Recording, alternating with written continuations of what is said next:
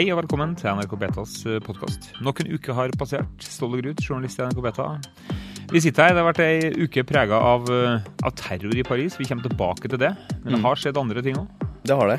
Eh, altså, teknologiuka har jo for så vidt vært eh, spennende nok, den, men det har skjedd en del eh, hjemlige ting som jeg syns er interessant å se på. Eh, den første er liksom eh, Yodel, en anonym chat-app som har eh, trengt seg på nyhetsbildet fordi det har vært en del sånn, altså, bombetrusler mot skoler og sånne ting. Så Veldig sånn ungt fenomen. Yodel og jikjak og det her. Ja, jeg vet ikke helt hvordan det starta, men du har liksom en sånn finnes jo på en måte historisk kan det skje en tråd mellom mange sånne anonyme nettjenester. Du kan si AskFM, som også har blitt omtalt en del i Norge i forbindelse med mobbing. Mm. Så har du liksom Whisper og Secret og sånn, mens det, det for f.eks. er på en måte en app hvor du hvor du får eh, tilgang til meldinger innenfor et eh, geografisk angitt område, f.eks. her på NRK, eller det være seg en skole, eller forskjellige sånne ting. Så hvis, du er, er, hvis jeg er her da på, på, NRK med mobilen min, så får jeg opp meldinger som har blitt sendt anonymt fra andre med den samme appen på det samme stedet. Du må rett og slett være fysisk til stede for å kunne delta i samtalen som foregår der, anonymt. Riktig, ja. Det høres jo egentlig ut som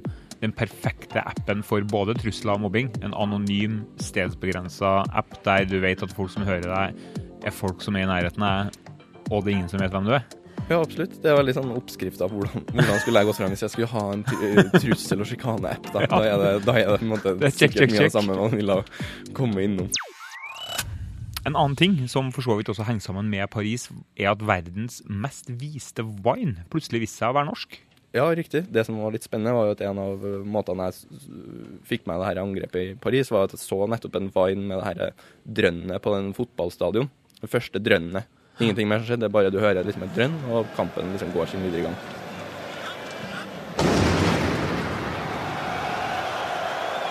Det har etter hvert blitt retweeta og spredd så mye at det har blitt verdens mest eh, avspilte Vine. Og det her er en fyr da som heter Terje i Tromsø, som har laga en Vine her. Filma TV-en sin. Og denne Vinen har faktisk blitt spilt av 151 millioner ganger. Men det, jo, altså, det at den har blitt eh, embedda og vist på, på masse nyhetsnettsider og sånne ting, er jo det som gjør at den har blitt vist så mye for på, i rene likes og kommentarer, og sånn, så er det ikke så dominerende. Men det viser jo på en måte det at eh, Vine som en, liksom en kilde til nyheter også har stor sprengkraft. da, Og det sprer seg fort gjennom sosiale medier. Vi har fått besøk Tone Libråten, frontredaktør i NRK. Velkommen. Takk for det. Du var på jobb på fredag midt oppi her. Hvordan var fredagskveld og lørdag morgen for deg? Nei, altså Jeg satt jo hjemme i sofaen selvfølgelig og så på NRK1, da. Jeg er blitt så gammel at jeg følger den tradisjonelle CM-mønsteret. Selv om jeg har jobba med nettjournalistikk i mange år. Nei, Og da begynte jo hastemeldingene å tikke inn, ikke sant. Eh, jeg har jo det på mobilen min. Så da var det bare å henge seg på. Uh, og det jeg gjør da, er selvfølgelig å ta kontakt med de jeg har på jobb her i NRK. Ja, for, for, for, jobben og ansvaret ditt er ja. fronten til NRK.no? Ja, jeg er redaktør for forsida til NRK.no. Alt som du ser der, er jeg redaktør for. Ja. Uh, og da har jeg jo vaktsjefer på jobb, på desken, som sitter på nyhetsgulvet her uh, i Marienlyst, som styrer forsida. Men når sånne ting skjer, så går du bare på jobb, ikke sant. Ja. Eh, og det jeg da gjorde, var å konferere med henne hele tiden. Eh, få inn flere folk, selvfølgelig, for det er bare å bemanne opp alt det du orker. Det er enormt nyhetstrykk. Enormt nyhetstrykk. Helt enormt. Og, og, det som skal faktisk sies, er at da hadde vi eh, Turnusen tilsier at da hadde vi én person på jobb som styrte forsida. Det er altfor lite. Så pri én er selvfølgelig å følge med på nyhetsbildet og få inn flere folk. Og alle kobler seg på, eh, også hele min ledergruppe. Vi fordeler oppgaver. Alle mann på dekk? Alle mann på dekk umiddelbart. Og det, og det nyhetstrykket, det har ikke blitt noe mindre med tida. Det tar oss over litt til saken du skrev, Ståle, om bruken av sosiale medier på fredagskvelden og i, ved krisa, fordi Ja, jeg er jo den, eh, jeg er ung nok til at jeg ikke skrur på NRK1. På Når jeg hører at jeg ser noen ting, så søker jeg umiddelbart til f.eks. Twitter og sånne ting for å se hva er det som skjer akkurat nå. Men det var ikke noe mindre nyhetstrykk der? Nei, absolutt ikke. Der var det, der var det jo veldig mye. Og det, til slutt så, så så jeg en del ting som faktisk ikke var sant også. Mye, altså, både bevisste løgner og sikkert også misforståelser som folk tenker på. Og litt sånn støtteerklæringer som f.eks. bilder over eh, verdens monumenter som er opplyst i de franske fargene, som egentlig er bare gamle bilder. Og som er, liksom, det gir et mye sterk symbolikk der, selvfølgelig. Og det gjør jo at det sprer seg. Folk har liksom, føler at de har lyst til å delta i en situasjon. Man føler litt sånn press på å være til stede på sosiale medier og også skal ytre seg og på en måte OK, må, det skjer noe alvorlig i Paris, her må jeg vise at jeg men også bryr meg. Men det er ikke sant. Nei, ikke sant. Da, når, men, men, man legger på en måte litt av seg sånne kritiske filtre sånn, fordi det skjer noe, og fordi nettopp da nyhetsbehovet er så enormt stort. Og det, det viser seg at det, det, blir jo litt problematisk da, når det er feilinformasjon som folk ender opp med å videreformidle, og som får veldig mye oppmerksomhet. Det, ja, ja, det som var så spesielt også på fredag kveld, var at det var jo så uoversiktlig. Mm. Det skjedde ting hele tiden. Og det var angrep, føltes tidvis Hvor i all verden er det her? ikke sant? Er det over hele Paris? Hva er det som egentlig skjer? Eh, så vi sitter jo da selvfølgelig og Jeg flekker jo opp alle de skjermene jeg har tilgjengelig der og da. Det var to iPader og to telefoner og mm. TV, ikke sant? Ja. Og, og prøvde å holde oversikt, men samtidig da så man glipper på ting også. Selv, altså Alle glipper på ting, for det skjer så innmari fort. Mm. Og så begynner ting å spre seg, som du har jo skrevet om. Og når stopper det? Når, når, eh, når, ser man at det er sant? Når får man verifisert at det er riktig? Når det gjelder å verifisere innholdet, da, så er jo det en meget krevende oppgave ellers, sånn som sosiale medier har blitt. Mm. Men på fredag kveld var det helt ekstremt. Ja, riktig. Og BBC for eksempel, har bygd opp et, altså en stor avdeling som kun tar seg av det å verifisere innhold fra sosiale medier. Så det er klart at det, det her begynner å bli nesten en egen sånn faggren innenfor journalistikken. At det å se en den videoen her ekte og forskjellige sånne ting. Jeg har vært på en del foredrag med journalister som jobber med det, og da er det ganske sånn avanserte teknikker man bruker. da, F.eks. hvis du skal verifisere om en YouTube-video er fra Syria eller ikke.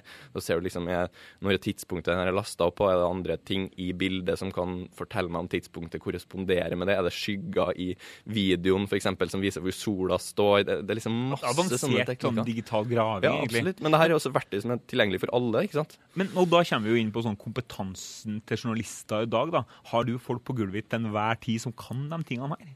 Da får de det i Volda, liksom? Nei. Jeg har nettopp gått i Volda. du, du, har det jo, men, men, men, har en gjennomsnittlig journaliststudent eller nyutdanna journalist i Norge denne kompetansen? Nei, det har, har de ikke. Det. Nei, det har de ikke. Det er noen eh, som virkelig skjønner greia. Mm. Eh, og de dukker gjerne opp i redaksjoner rundt omkring. jeg tror bare, det her er litt sånn hobby, det, men ja. det må være en interesse. For det her er ikke noe ja. grunnleggende pensum eller noe som man får opplæring i. Altså. Det, det, er rett og slett noen ting som man må tilegne seg på egen hånd. Og det må jeg bare si at han, eh, den tidligere kollegaen min i, i, VG, Ola Stenberg, skrev en blogg her for litt siden om dette med journalistikk og teknologi. Ja. Og det hvis man ikke skjønner at de to tingene henger sammen, når man ønsker å bli en eh, god journalist av dagens mediebilde, så har man et problem. Mm. Fordi de tingene henger så tett sammen. Og hvis du skal bli en gravende journalist og ha et stort ønske om å være det og utvikle deg, så må du forstå de greiene der. Eh, og det er kjempevanskelig, og du får ikke det på utdanningene. Mye av det som du sier, Ståle, du har en hobby. Så møter du folk som har den samme hobbyen som deg, og så utveksler man erfaringer. Og så dukker du opp, da, sånn som Reportedly, som du skrev om Storyful, som har som eneste oppgave å verifisere mm. brukergenerert innhold. Mm. Og det er en nisje i dag. Så avansert har det jo blitt. Men det mener jeg at det må enhver redaksjon skaffe seg. Mm. Men når det smeller sånn som på fredag, da koker altså Bare i de tradisjonelle uh, nyhetsbyråene så koker informasjon. Når tusenvis av folk sier at noe er sant, hvordan er det da å stå som, som frontredaktør og si nei, vi, vi, kan ikke publisere det? Altså den, den, jobben der må jo ha blitt ekstremt mye mer vanskelig bare de siste to årene. Ja da, det er klart det er eh, utfordrende. Men det er jo ikke bare utfordrende for meg, det er jo fra alle ledd. Når det først kommer til meg, så kan det være at det er noen andre journalister som har sittet og sett på dette her lenge før det mm. dukker opp hos meg. Fordi eh, det skjer så fort, ikke sant. Og da, det som er pri én, er å få sette av folk som overvåker sosiale medier kontinuerlig og som veit hva de skal se etter. Nå blir NRK og er NRK stadig bedre på det, og vi har folk her som kan dette. Og det er som du sier tidligere, og det er sånn hobbyfolk som om de så er et helt annet land, et helt annet sted, så bare kobler de seg på. For dette her, nå skjer det noe, liksom. Nå må vi få med. Midt i smørøya fag... Midt i smørøya, det de, de elsker overalt på jord. Men det er kjempeutfordrende for Eh, media i dag å verifisere ting. Og det er i hvert fall ekstremt utfordrende og nesten tilnærma umulig for en helt vanlig random bruker på sosiale medier å skjønne hva som er riktig og ikke. Det du peker på i, i denne saken din, og det er jo ikke nødvendigvis at folk mener det her vondt. Nei, ikke sant. Og det, og det er ikke nødvendigvis at, uh, altså, at, det er de viktigste tingene heller som, som ender opp med å bli, bli spredt, da. Men, for eksempel, men det er jo også en informasjon som forteller om altså, hvordan uh, altså, befolkninga reagerte og sånne ting, som kan ende opp med å bli stående.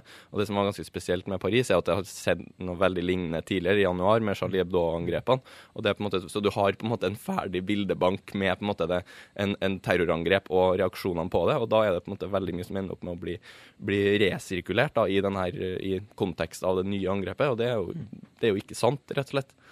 En annen ting som gikk som en farestått, som ikke går så mye på kilder, var det her med profilbilder på Facebook. ble en del kontrovers rundt det. Endra dere profilbilder? Nei. Nei. Jeg gjorde. Hvorfor, hvorfor, gjorde du det? Ja, hvorfor gjorde du ikke det? Nei, det føltes ikke naturlig for meg. Nei? Eh, og det var ingen som må tro at Facebook gjør dette her utelukkende for å være veldig hyggelig og grei med alle sammen. Så det er skeptikeren, det er journalistskeptikeren som slår til? ja.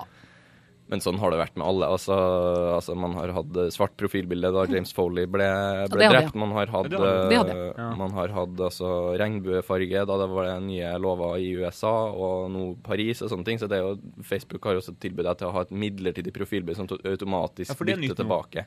Ja, så, så jeg, tror, jeg, er helt enig med Tone at det her er liksom, det trenger ikke nødvendigvis være kynisk, eh, sånn som du sier det, men det er jo for å få økt interaksjon på plattformen. For å få Uh, for, liksom at folk skal, skal, endre ting. Bruke det sånn at Facebook kan presentere den her vennen din. Facebook er jo også et sted hvor vi bryr oss og viser følelser i alle retninger nå. Det er jo en moderne sånn gå i tog ja, på Karl Johan, føler jeg. Ja, ja, bare så det er sagt. Altså, Facebook altså, de er jo kjempedyktige på det de gjør.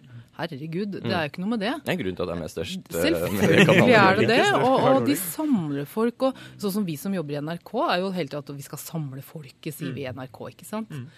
Det er jo det Facebook gjør. Man mm. føler, kommer til et sted man møter folk som mener det samme som deg, og så ser man de bildene, og så føles det så godt. Og så får man også lov til å da si at man er i Paris, og jeg har det bra, og, og den greiene der. Og det, det skaper en sånn fellesskapsfølelse, ikke sant. Men det er jo Facebook som er bak dette her. De gjør det jo, altså, Dette styrker jo Facebook enormt, ikke sant. Men de har jo enorm posisjon allerede. Så det at de gjør sånne ting, er kanskje bare rett og rimelig at de gjør det. De fikk også en del kritikk for at de ikke gjorde det når det gikk av i bombe uka før i Beirut, som også var i en IS-terrororganisasjon. Ja. Er det her en sånn vestlig ja, altså, det er, jo, det er, jo, lett å tenke det, og det er jo sånn det egentlig framstår også. Det var to ting Facebook gjorde under, etter det her terrorangrepet. Det var ene det her med profilbildet, men også aktivere noe som heter safety check, som, hvor du kan på en måte si fra til Facebook om, og som igjen da kan si fra til alle vennene dine om at uh, jeg var i Paris på det her tidspunktet, eller jeg har sjekka inn, eller et eller annet som tilsier at Facebook da vet at jeg er i Paris. Og da kan jeg varsle om at jeg er OK, jeg var ikke ramma eller er skada.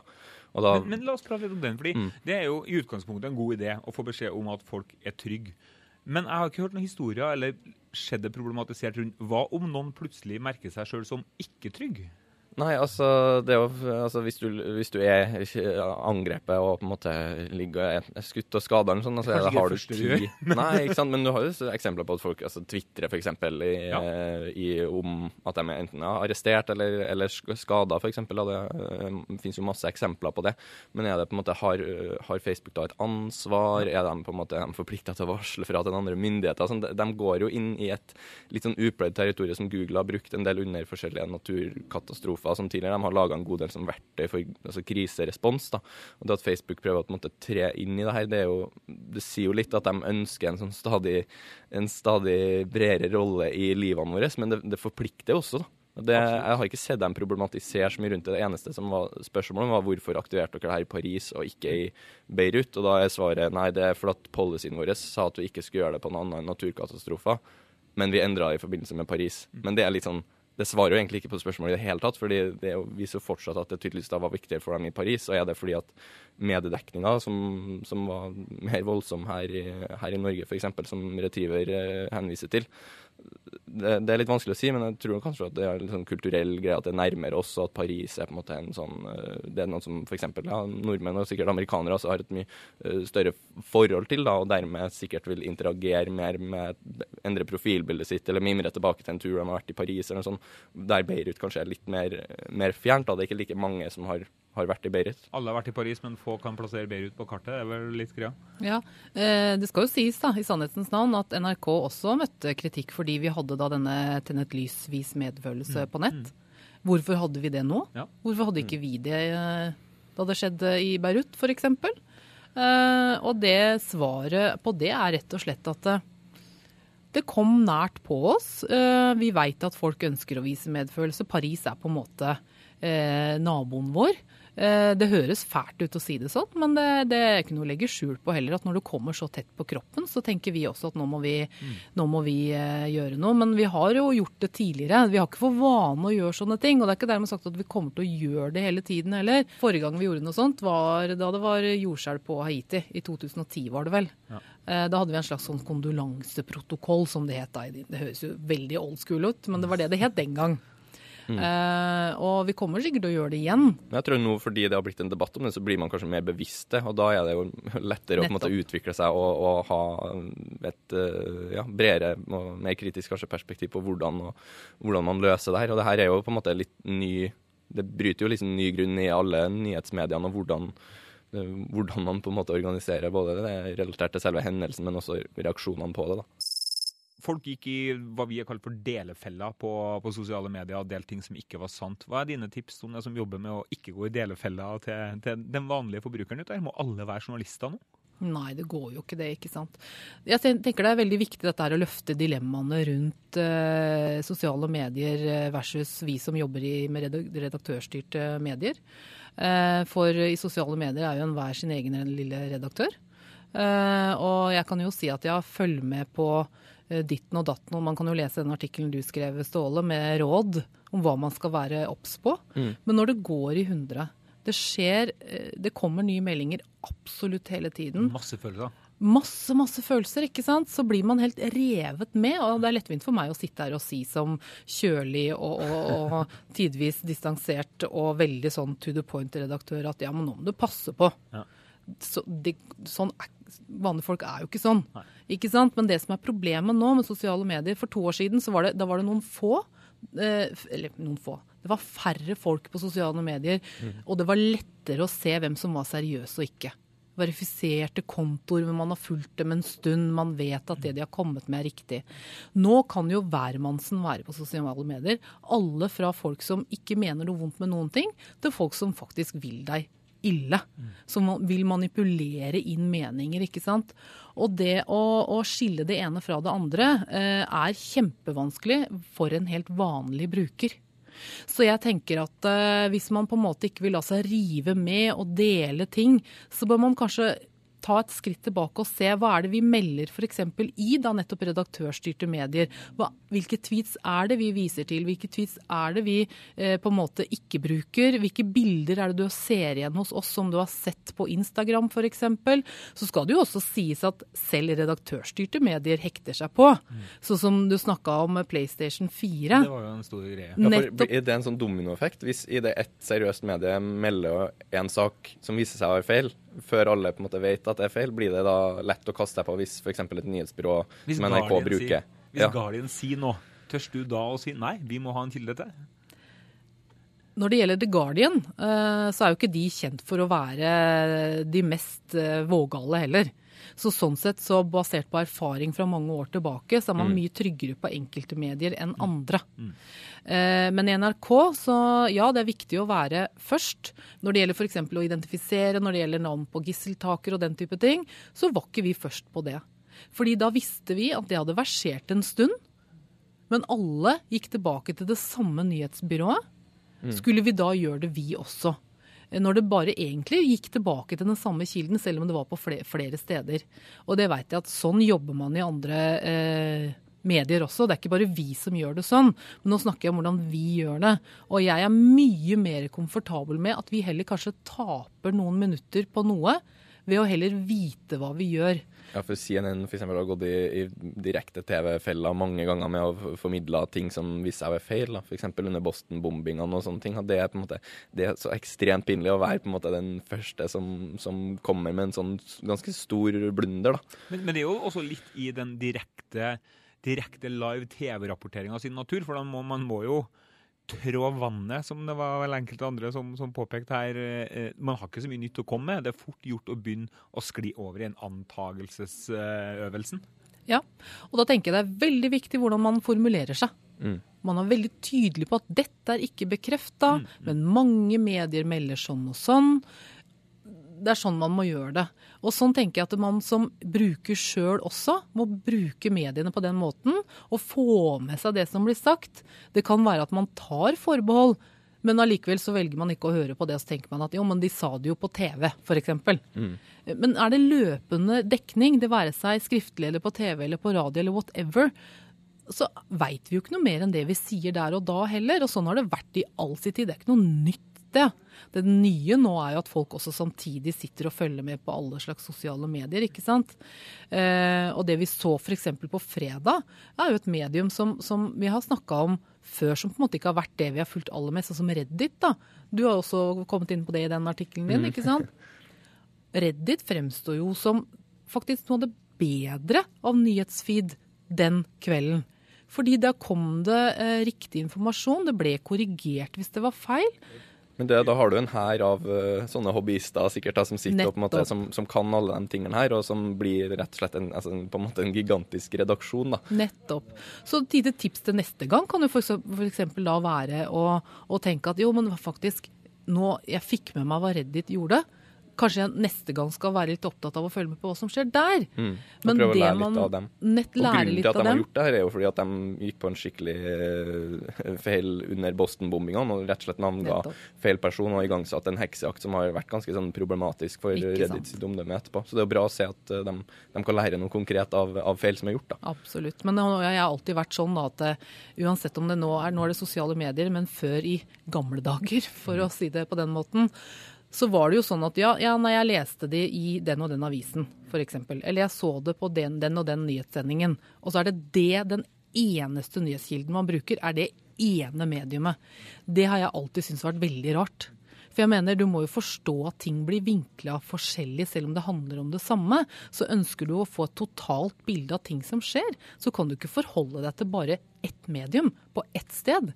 Og sånn som mediebildet er nå, så kan du jo forholde deg til norske riksmedier, og du må forholde deg til internasjonale riksmedier, i tillegg til at du kan følge med på sosiale medier og ha det som bakgrunn at Og det som skjer der, skjer veldig fort. Det er ikke sikkert at det du ser der er verifisert engang. Mm. Så det er jo ekstremt utfordrende å være mediekonsument i dag, men man må bruke huet. Og tenke at, eh, at, eh, det er ikke alt som sies som er riktig, det er ikke alt som er verifisert. Du må få med deg hva som blir sagt, og så må du bruke mange kilder.